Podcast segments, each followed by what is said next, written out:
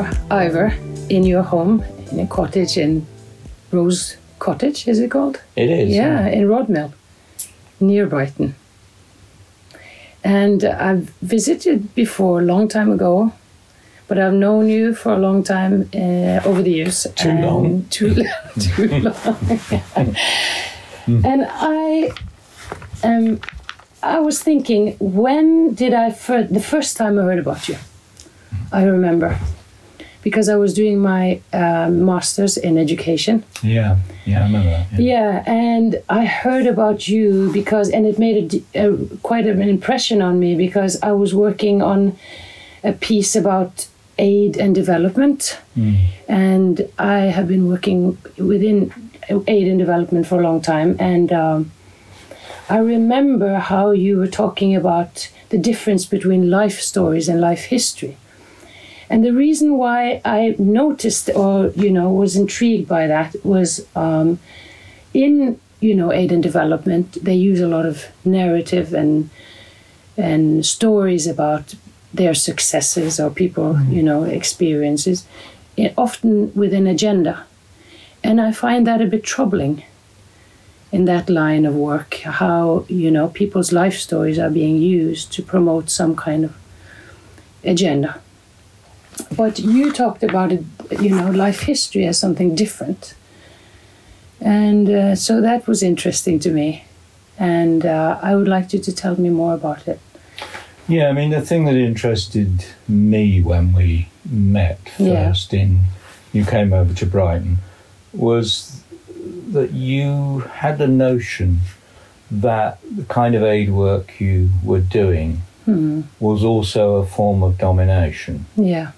Form of subordination. And that's an interesting insight for somebody who's worked from an aid paradigm to have. It showed a kind of um, dissident imagination, which I found interesting itself. So I was Hmm.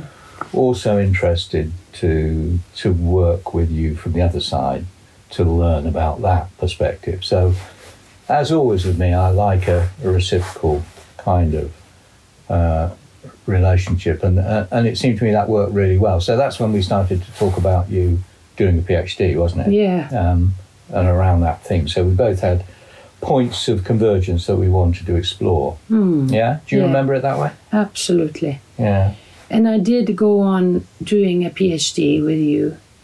And I did life history portrayals in, Mm. in Nepal about teachers in Nepal. yeah, and their life histories. Now, I would like you to, you know, because you've made a clear distinction between narrative work in, with life stories and life history. Mm. And I'd like you to tell us something more about that. yeah. So the, I mean, in a way, the distinction between a life story and a life history is a distinction between who ultimately controls the data. So any human interaction is saturated by power relations. That's a sort of simplistic sociological thing to say, but it happens to be true. Whether it's in a research relationship or a marriage or a work situation, it's always overlaid by power relations. Hmm. So the distinction between life story and life history is essentially an attempt to disentangle the power relation. So the life story is the story as told by the life storyteller, as imagined by the life storyteller, as constructed by the life storyteller, as selected by the life storyteller. The life history is a more collaborative enterprise where the life storyteller and the interviewer co construct the life story. And obviously, that means that there is a danger, and it relates, of course, to development models. There's a danger that the interviewer, often an academic with more power than the person they're talking to, or an aid agent with more power than the person being aided, there's a danger that in the life history, the interviewer takes over the agenda, sets the agenda of the questions, and thereby frames the story in a particular way. Hmm. So, what I was searching for all the way through that was a method which sought to level the playing field as far as possible Hmm. with regard to the life story being told and try to leave it as far as possible in terms of its original genesis and genealogy with the life storyteller, Hmm. how they imagined their life and how they told it. Hmm. Does that make sense? to you? Yeah. Hmm. Yeah, and particularly in, in that kind of a context, it's very obvious, you know, the power relation, like you're saying, in that kind of a interview situation. But then you go on to say, you know, you you'd want to get that as, you know, as equal or less as possible. And then you also talk about the historical, social, historical background of Mhm. the person story and how in which what kind of situation the story is being told Yeah, and I mean, one of the most difficult things about, uh, in a sense, suspending power relations is that even be- because power relations are embodied in a way, Hmm. is how you create a trusting and confidential relationship without it being data which is subsequently exploited. So there are a whole range of levels here where power inevitably, I mean, power is not a bad thing. No. It's not inevitably a colonizing or exploitative thing. It's, it's a thing that everybody has in different ways. But there are various points at which the power relations intrude. So one is in the conversation, the interview, like we're having now. There's a there are embodied power positions in both places. So here you're sitting in my cottage and you've come to talk to me. So that itself um, sets up different levels of power and intrigue. So there's there's the actual interaction, which which where one is trying to make it as reciprocal and collaborative as possible. yeah And then there's what you do with the data um, and how you publish the data and how you handle the whole question of the life storyteller's consent in the subsequent stages beyond the interview. And that often, that section is often not fully explored properly because a lot of people take the life history data and may even have done it in a fairly collaborative way, but they take it off hmm. and use it for their own purposes, Exactly. as you did when you wrote your PhD. I mean, one takes it yeah. off hmm. to serve it for the purposes. In your case, you honoured the uh, portrayers by getting their informed consent, taking it back to them, so on. But hmm. lots of people don't. So you have to follow that power trail all the way through the various stages of data negotiation. Mm-hmm. but i think a lot of people might find it easy enough to do a life story of someone but the problem is to the analyzing of the story isn't it Well, I, I, I actually disagree with you there. I, I think Okay. a lot of people find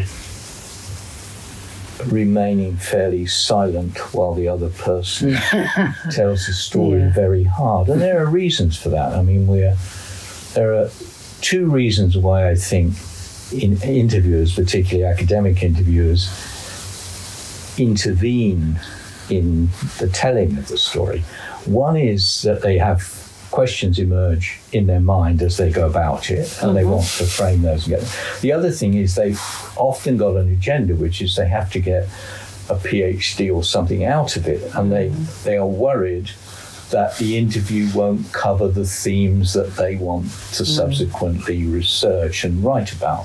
Mm. So the urge to frame the conversation comes in early. And as you know, I'm a little bit holier than thou about the vow of silence in the mm. first interview. Mm. And I should perhaps explain that a bit. So my idea is that has been that you always do at least two interviews. In the first one, you really are there to listen and as far as possible remain silent while the life storyteller tells it in their terms. Mm. In the second interview, if you can hold yourself back, is when you probe them, you pursue your own concerns and issues and in, in intellectual agendas.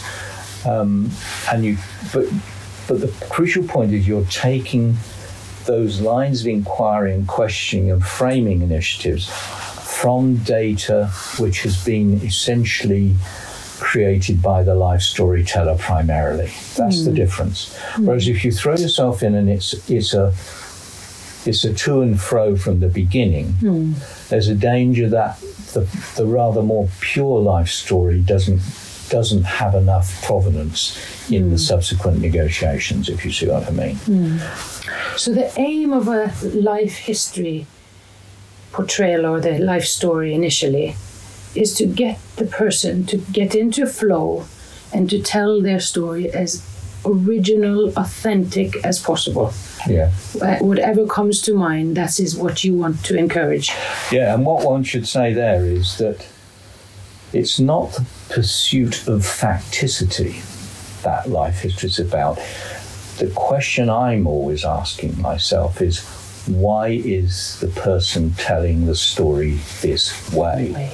Because every story is a mix. Every life story is a mixture of fact and fiction. Hmm. We all have our own myths and our own secrets and lies in life. That's hmm. just a fact of life, hmm. and that's to be respected and to be honoured in the life story. So I'm not in my questioning in the subsequent interview. I'm not pursuing it to to check its facticity. No. I'm pursuing it to try and understand the purposes for which this story is being told in this particular way and what selections and omissions are there uh, and why the person has chosen to tell the story in a particular kind of trope or frame. That's the task for me. Initially. Yeah, yeah, and uh, of course it leads on to other questions, but it is not. I'm not trying to ask myself the question: Is this person telling Telling me? Uh, that's why I reacted to the word authenticity. Mm. I'm not trying to establish whether everything they say is true. Mm. I'm trying to establish why they're telling these mix, mixtures of fact and fiction in the way mm. they are. Yeah, that makes sense. Yeah. So it's about how a person likes to portray themselves and how they want you to see them as. Yeah, That is the main kind of foundation of a life history. yeah. And then you might go in f- for a second interview where you might probe some of the things that the person Yeah. brought up in that interview. Yeah, I'd be quite, but it would always grow from.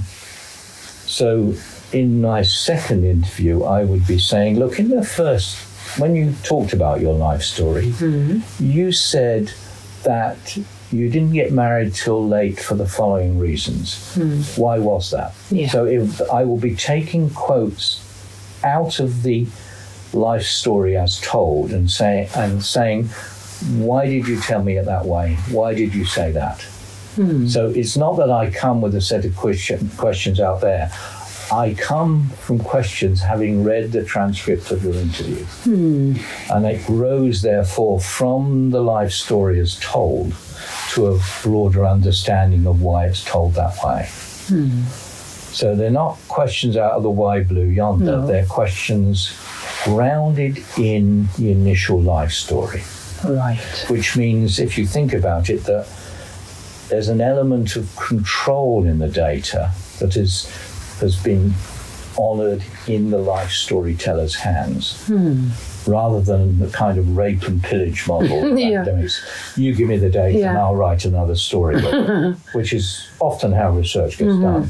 Yeah. And life history are trying to stop that rape and pillage mm. model and mm. try and say you just can't take my data away and do what you like with No. it. You've got to honour it, collect it in a way which actually listens carefully to what I'm saying, and then it's okay to probe me and ask questions, but on my terms, not not yours from somewhere else. Right. Yeah. And they get to you know, um, control it or, or um, you know, check or give you, you know, it might be that they don't agree with what they said the first time. They have a chance Sure, to, sure. to um, Sure. yeah, And they might want to delete things they yeah, yeah. Have They you had say it. people do that? Not The strange, I mean, one of the fears, I mean, people have many fears about a life story work. Yeah. One is the one I've said that the life story as told won't cover the themes the researcher wants to, to, to have covered. Hmm. By and large, that doesn't work out because you can largely get to those issues in the second interview. Hmm. The other danger is if you follow my line where the life storyteller has to consent to the way the data is used. The fear is that they will delete things, they will not want things said that they have said. It's almost a fiction. I mean, and the third fear people have, Yeah, the biggest fear starting researchers have is that people won't tell them their life story exactly. which is utter bullshit because It is. you cannot stop people telling their life story. That's my experience too. Yeah, it is. Yeah. I mean, so that, but that's a fear people have. Yeah, Well, how Which can I get fair them to talk Yeah. about?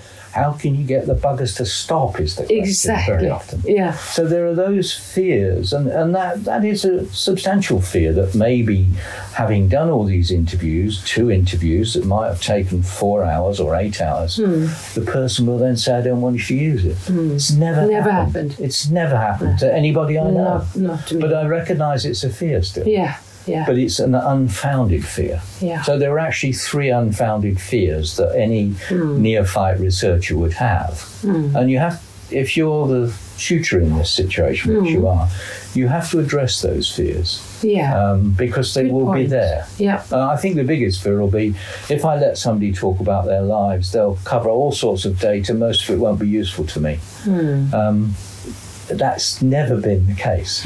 Normally, you get into a set of life history data and a set of questions are set up, and you can pursue other research agendas later on, and it Yeah. comes in with the probing.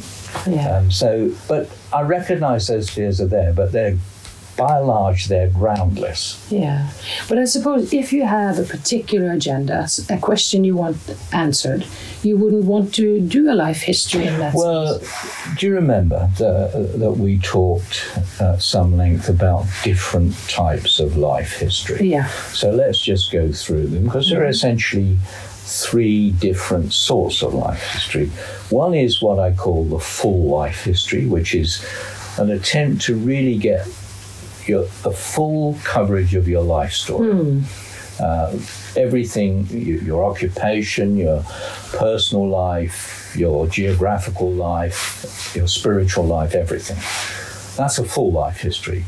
And then there are two more focused types of life history which often fit much better with, hmm. with a PhD or something. Mm-hmm. One is the thematic life history, where you're actually interviewing the person about their lives, but with a particular focus that you want. So you, you for example, you might simply want to talk to the person about their teaching life, hmm. what it was like to be a teacher, and the various issues in their teaching life. So you're you're you're doing a kind of occupational life history there. Hmm. So there, there are three, or you might be wanting to follow a theme up, such as teacher burnout, or why do people burn out in their careers, or why do they get depressed, or what are their Okay. problems with motivation, or what are the problems with recruitment and retention. And that's a thematic life issue where you're drilling down into life story concerns, but with a particular thematic focus. So, Okay. full life history, thematic life history, occupational life history. Those are the main types that I've been involved with over time, and I think they speak to various different kinds of categories and different kind of research moments and different kind of probing in the second interview. yeah, yeah, yeah. So you've done your two or three interviews. You've probed the person again to give you more insight on that particular focus that you have. And then you go off and you make it into because now we only have a life story, don't we? We we don't have a life history yet. How does a life story become a life history? Well, the second interview. So you've got life story as uninterrupted uh, as possible in the first interview. Mm-hmm. Second interview, the researcher comes to the task by looking at the transcript and, for example, wanting to, I would always be wanting to flesh out the historical context. So I said, you were talking about those reforms of the school in the 1960s that you agreed with and that made you very excited about being a teacher. Tell me about the situation in schools Okay. in the hmm. 1960s. Okay. Hmm. Give me some historical context on where you were at that time. Why were schools so different then to the way they are now, and so on. So, hmm. in those probings, you're probing for context as well as understanding of issues. Okay. And you're at, so I have always used that phrase from Stenhouse, a story of action within a theory of context. Context. In the second interview, you're developing with the life storyteller a theory of context. You're trying to understand the context in which their life has been lived. Hmm. And that, and, and that will lead to all sorts of insights. For example, if you're talking to teachers, you'll find that the stories teachers tell of their teaching life in the 1960s are profoundly different to the stories teachers tell of their teaching life now. And one of the reasons, clearly, is that the context changed. Teaching was a much more professionally controlled uh, profession in most countries in the 1960s than it is now, where governments and guidelines and accountability and testing and all those other things have come in to patrol and control the teacher's autonomy. Hmm. So the story they tell will be very different. And the task of the researcher will, will be to say, so the stories are told differently. Here you're telling a story of professional freedom and autonomy where you were able to construct the curriculum. Here you're just obeying and doing the delivering the curriculum which has been written by somebody else. Hmm. What's changed? Hmm. I know your story's changed, but the reason your story's changed is because the context has changed. Has changed. Yeah. So you begin to get a. If you. Bertaux says about his work on bakers, he studied bakers, not teachers. He said, hmm. when I studied one baker, I knew about that baker. When I studied three bakers, I knew a bit more. But when I studied 12 bakers, I knew the whole context of baking in that country at that time because by comparing one life issue with another you see the general themes across it That come out. and that's how you get a thematic kind Right. of run on things Yeah.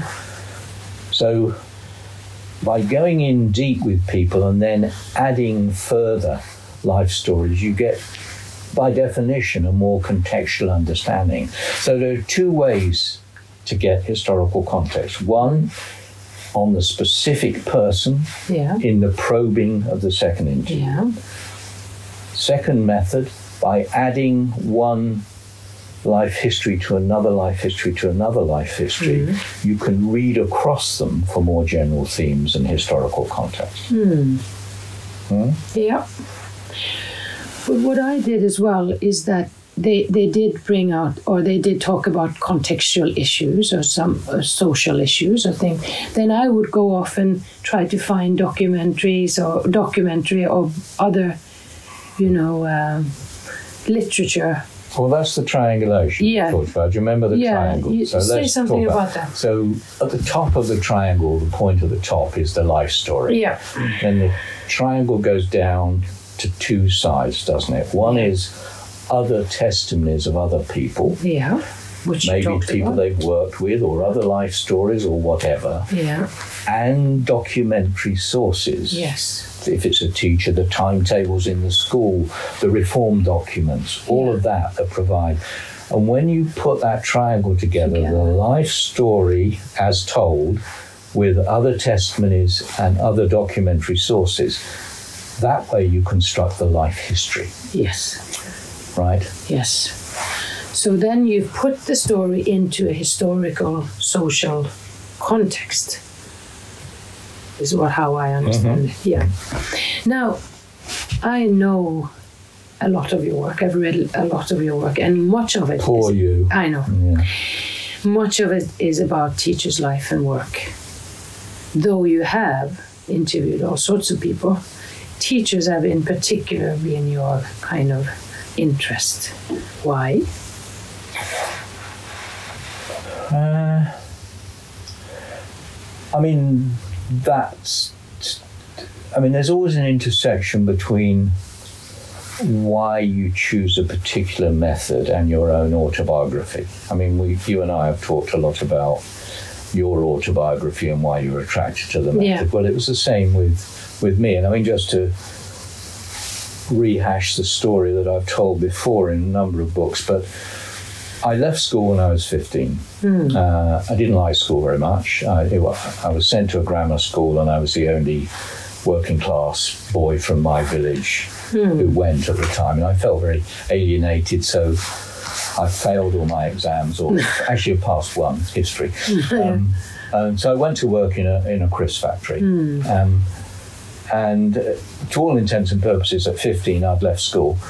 And then one day, I don't know, about eight weeks into working in the crisp factory, uh, my job, by the way, was just to stand on the conveyor belt, shake the crisp packets down, uh, myself and two ladies from Nigeria who spoke in their own language while I was doing this. Shake the crisp down so as they could clip the tops, and that was my job all day, shaking the crisp packets down from one conveyor belt to another, shaking down, down. So even when I went home, I was still making these shaking these. Six days a week I did that. Anyhow, one lunchtime I was eating my cheese and tomato sandwiches at lunch. I had half an hour for lunch, and at the door of the cafeteria, um, I saw somebody come into the frame of the door and stand and hesitate. And I thought to myself, I know him. um, hmm. And it was actually my history teacher from the grammar school, hmm. who on a Saturday had cycled on his bike about six miles to hmm. come to the Chris factory to ask me a question. So he got himself a cup of tea. I, th- I thought to myself, what's Diaries doing here? Why has he come here? What's he doing in the Chris factory? Got himself a cup of tea and he, sa- he came over and he said, Can I join you? And I said, Yeah, sure, help yourself. Hmm. And he said, How's it going here? And I'd never sworn for a teacher before, and I said, It's fucking terrible. Hmm. He said, Why don't you come back to school? Hmm. Well, I did. But that's why I'm interested in teachers, because they can change lives. They can. I mean, God did that man change my life. Yeah. And he he was the one who told me what a university was. I had no Yeah. idea. I mean, I've told But- you that, but that's I why. know, but what do you think made him do that? Like, what was it about you? I think I found out afterwards. I found out lots of things about him afterwards um, because I dedicated one of my books to him uh, Yeah. because I owed him so much. yeah. But, um, well, I mean, I, uh, the simple answer to that was he was a socialist. Yeah. um, and he he said you were I, you just had something. You were a smart kid, but God, you were impossible. You were just so badly behaved, and so. But I knew you had something. He said, and it was worth going away to get it. Uh, I remember very well you told me one time that a lot of the kids, especially boys, I think, perhaps, who don't fit into school, are often the most, the smartest ones. Yeah, I think And, that was true. Well, it, I mean, by definition, because of the way that the exam system worked, that only allowed the smartest working class kids in. I mean, it was a it was a, a meritorious. The eleven hmm. plus was a, hmm. a highly academic exam. Hmm. So, and working class kids just didn't pass it by No. large. So you were going to be an odd kid to pass it. Yeah. So if you got to the grammar school, you, you almost by definition you were, you know, you were a, an odd kid. You were kind of you had you had a, a, mental life that was vivid, and uh, uh, often that mental life that was vivid meant you doubly rejected the grammar school because you wanted to remain with your tribe. Exactly. And that was my feeling. I never wanted to leave my tribe behind, and in a way, never did. No. But to, to answer your question, I could see how powerful teachers could be in other people's lives and how they could intervene across class and gender and race uh, in meaningful ways if they decided to do so. And so, in due course, I became one. Yeah. Mm. But I think what you have also been interested in is how the life of work of teachers have been impacted by reforms. Mm. And uh, I think um, it seems to me that you are very keen to understand, you know, the success or failure of reforms based on teachers' life and work. Isn't that correct?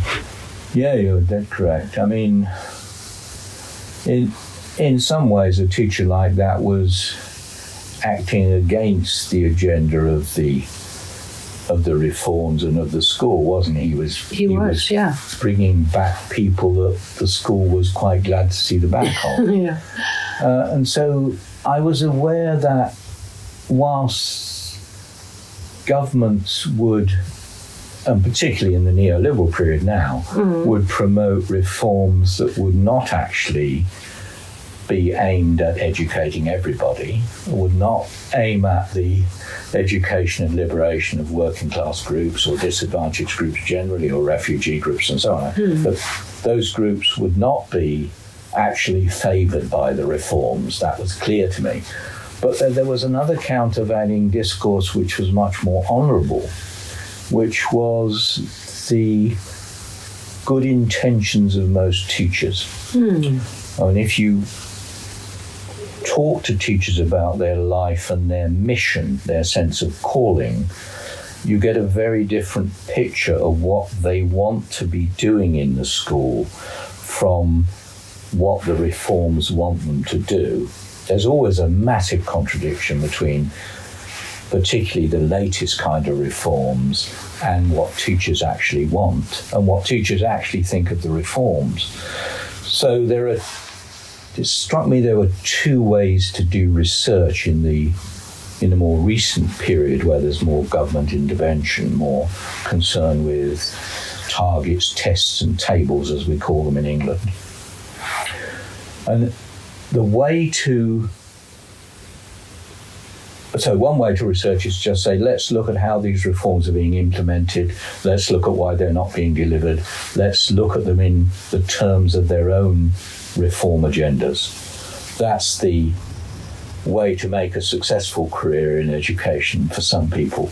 Just to look at delivery uh, polish up uh, and try and make the government reforms more efficient. But there's another set of discourses which says, don't let's look there because we're not sure what the intentions are there. Let's look at what the intentions of the teachers are because they're in many ways more honourable and they're much closer to the actual terrain of the school and the children than the reformers are. Often the reforms are invented by people a long way away from the schools, government officials, academics, whatever.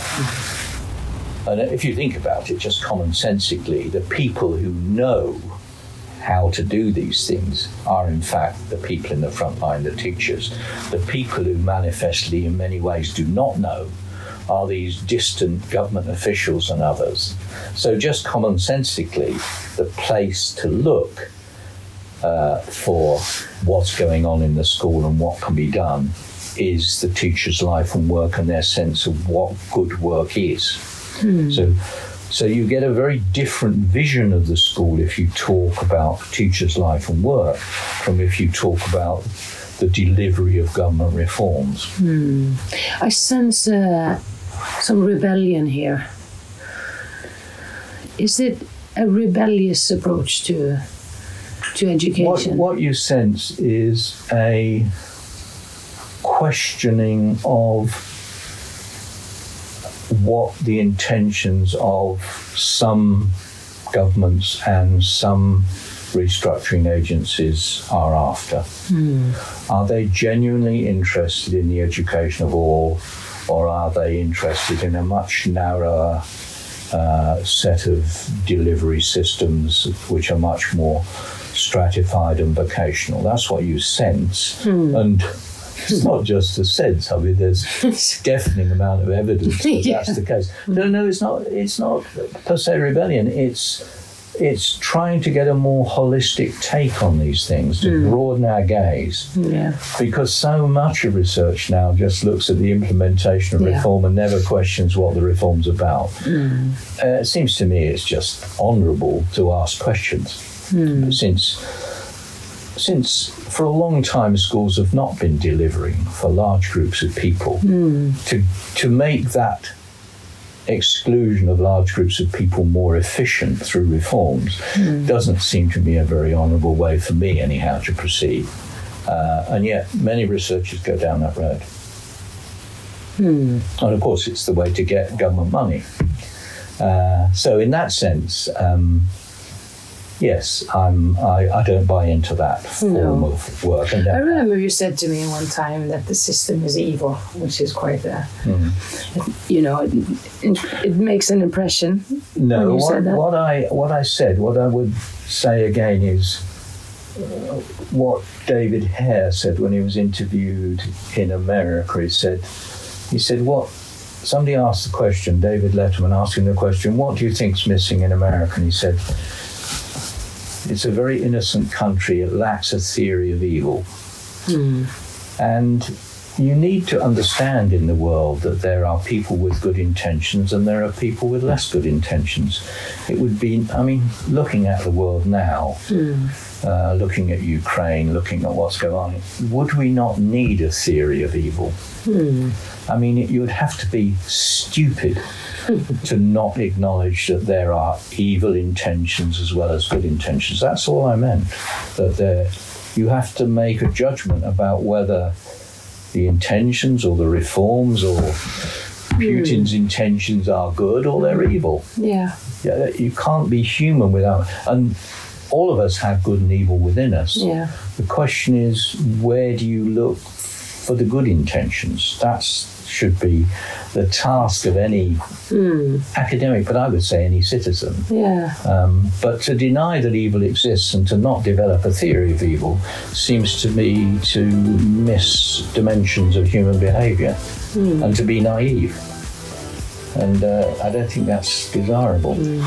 Although none of us want to think there's evil in the world, but the awful truth is there is.